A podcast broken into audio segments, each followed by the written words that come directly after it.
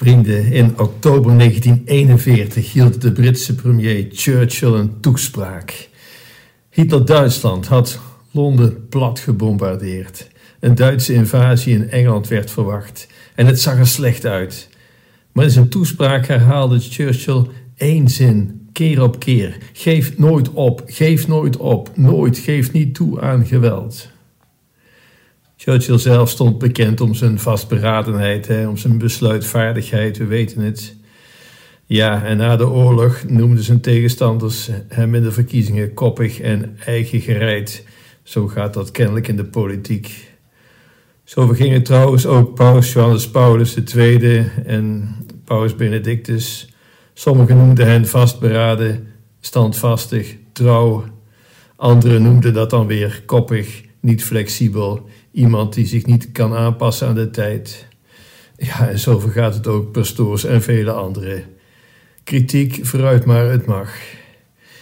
De moeilijkste kritiek, ieder van ons moet daarmee zien om te gaan, is kritiek van jezelf. Hoe kijken we tegen onszelf aan? Laat ons een spiegel voorhouden. Zijn we vastberaden, standvastig? Het is zeker goed om bepaalde idealen voor ogen te houden, die niet los te laten en daar niet van af te wijken. Maar soms kan het ook goed zijn om je flexibel op te stellen, je mening bij te stellen, doordat je nou eenmaal op andere gedachten bent gekomen, omdat het nodig is. Probleem is, hoe kun je niet weten wat het beste is? Vasthouden, volharden of je mening bijstellen? Het bijstellen van je mening, van je opvatting, is overigens iets anders dan je standpunt opgeven. Opgeven is je overgeven aan zwakheid of zelfs aan wanhoop. Oké, dan de vraag van vandaag waar ik naartoe wil.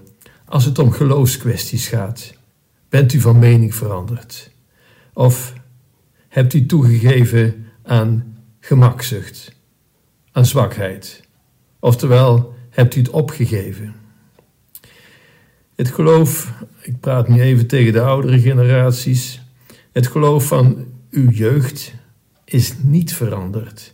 De kerk houdt vast aan het geloof, niet omdat ze niet flexibel zou zijn, of omdat ze star of behoudend, of weet ik veel wat zou zijn, maar omdat ze vastberaden vasthoudt aan waarden die niet tijdgebonden zijn.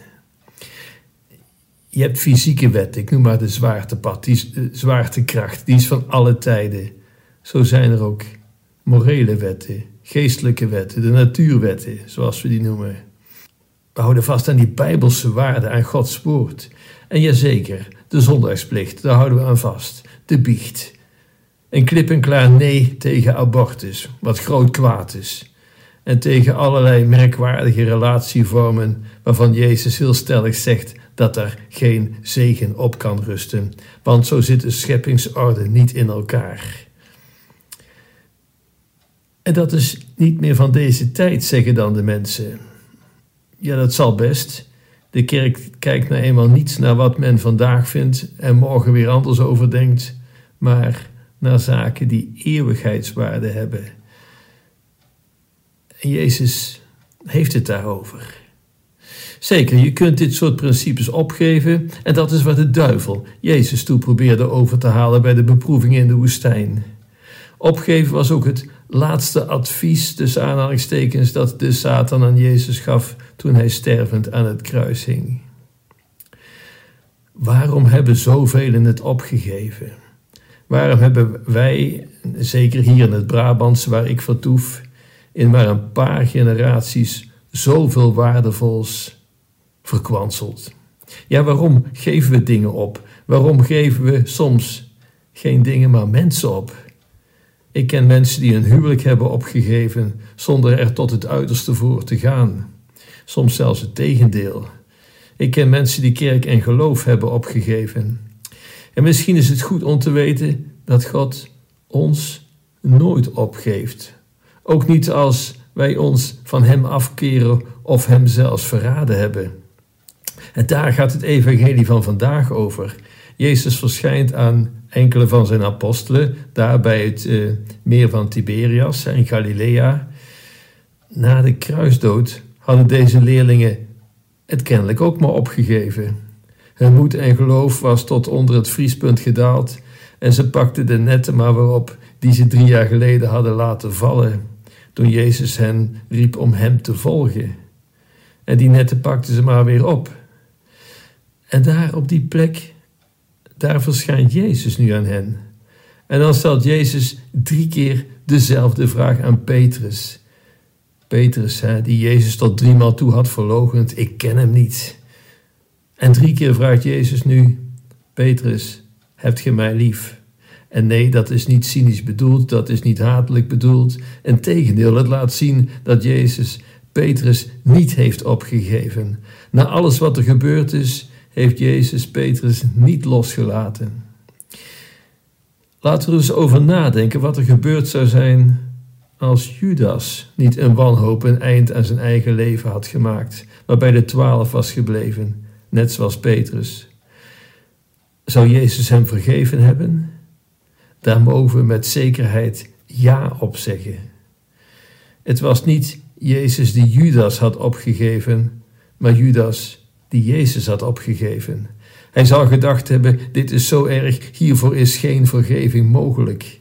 Maar hij zat ernaast. De hele Bijbel, van begin tot het eind, laat zien dat God zich helemaal voor ons opoffert om ons tot andere inzichten te brengen.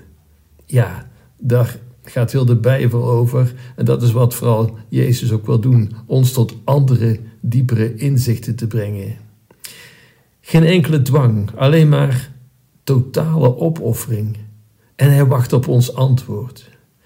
Het meest overweldigende van het christelijk geloof is hierin gelegen dat God, dat Jezus, tot het bittere einde alles doet om ons over de streep te trekken en nooit, maar dan ook nooit zijn aanbod intrekt, wat wij ook op onze kerfstok mogen hebben. Hij geeft ons nooit op. Wij misschien, hij niet. En dat is wat we onvoorwaardelijke liefde noemen.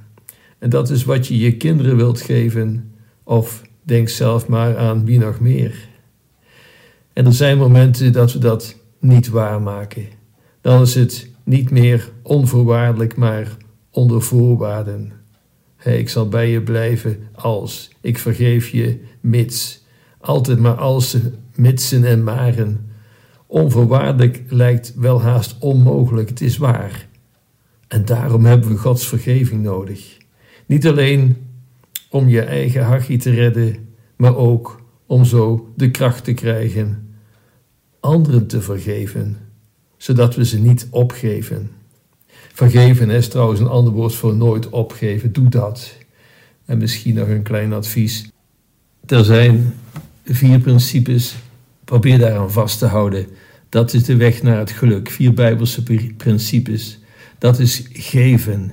Niet alles voor jezelf. Denk aan de ander, zet die voorop. Geven. En dan toegeven. Doe dat. En vergeet niet vooral te vergeven. Dan kun je samen verder. En het vierde is nooit opgeven. Heer, ik kom tot u. Neem mijn hart verander Als ik u ontmoet, vind ik rust bij u.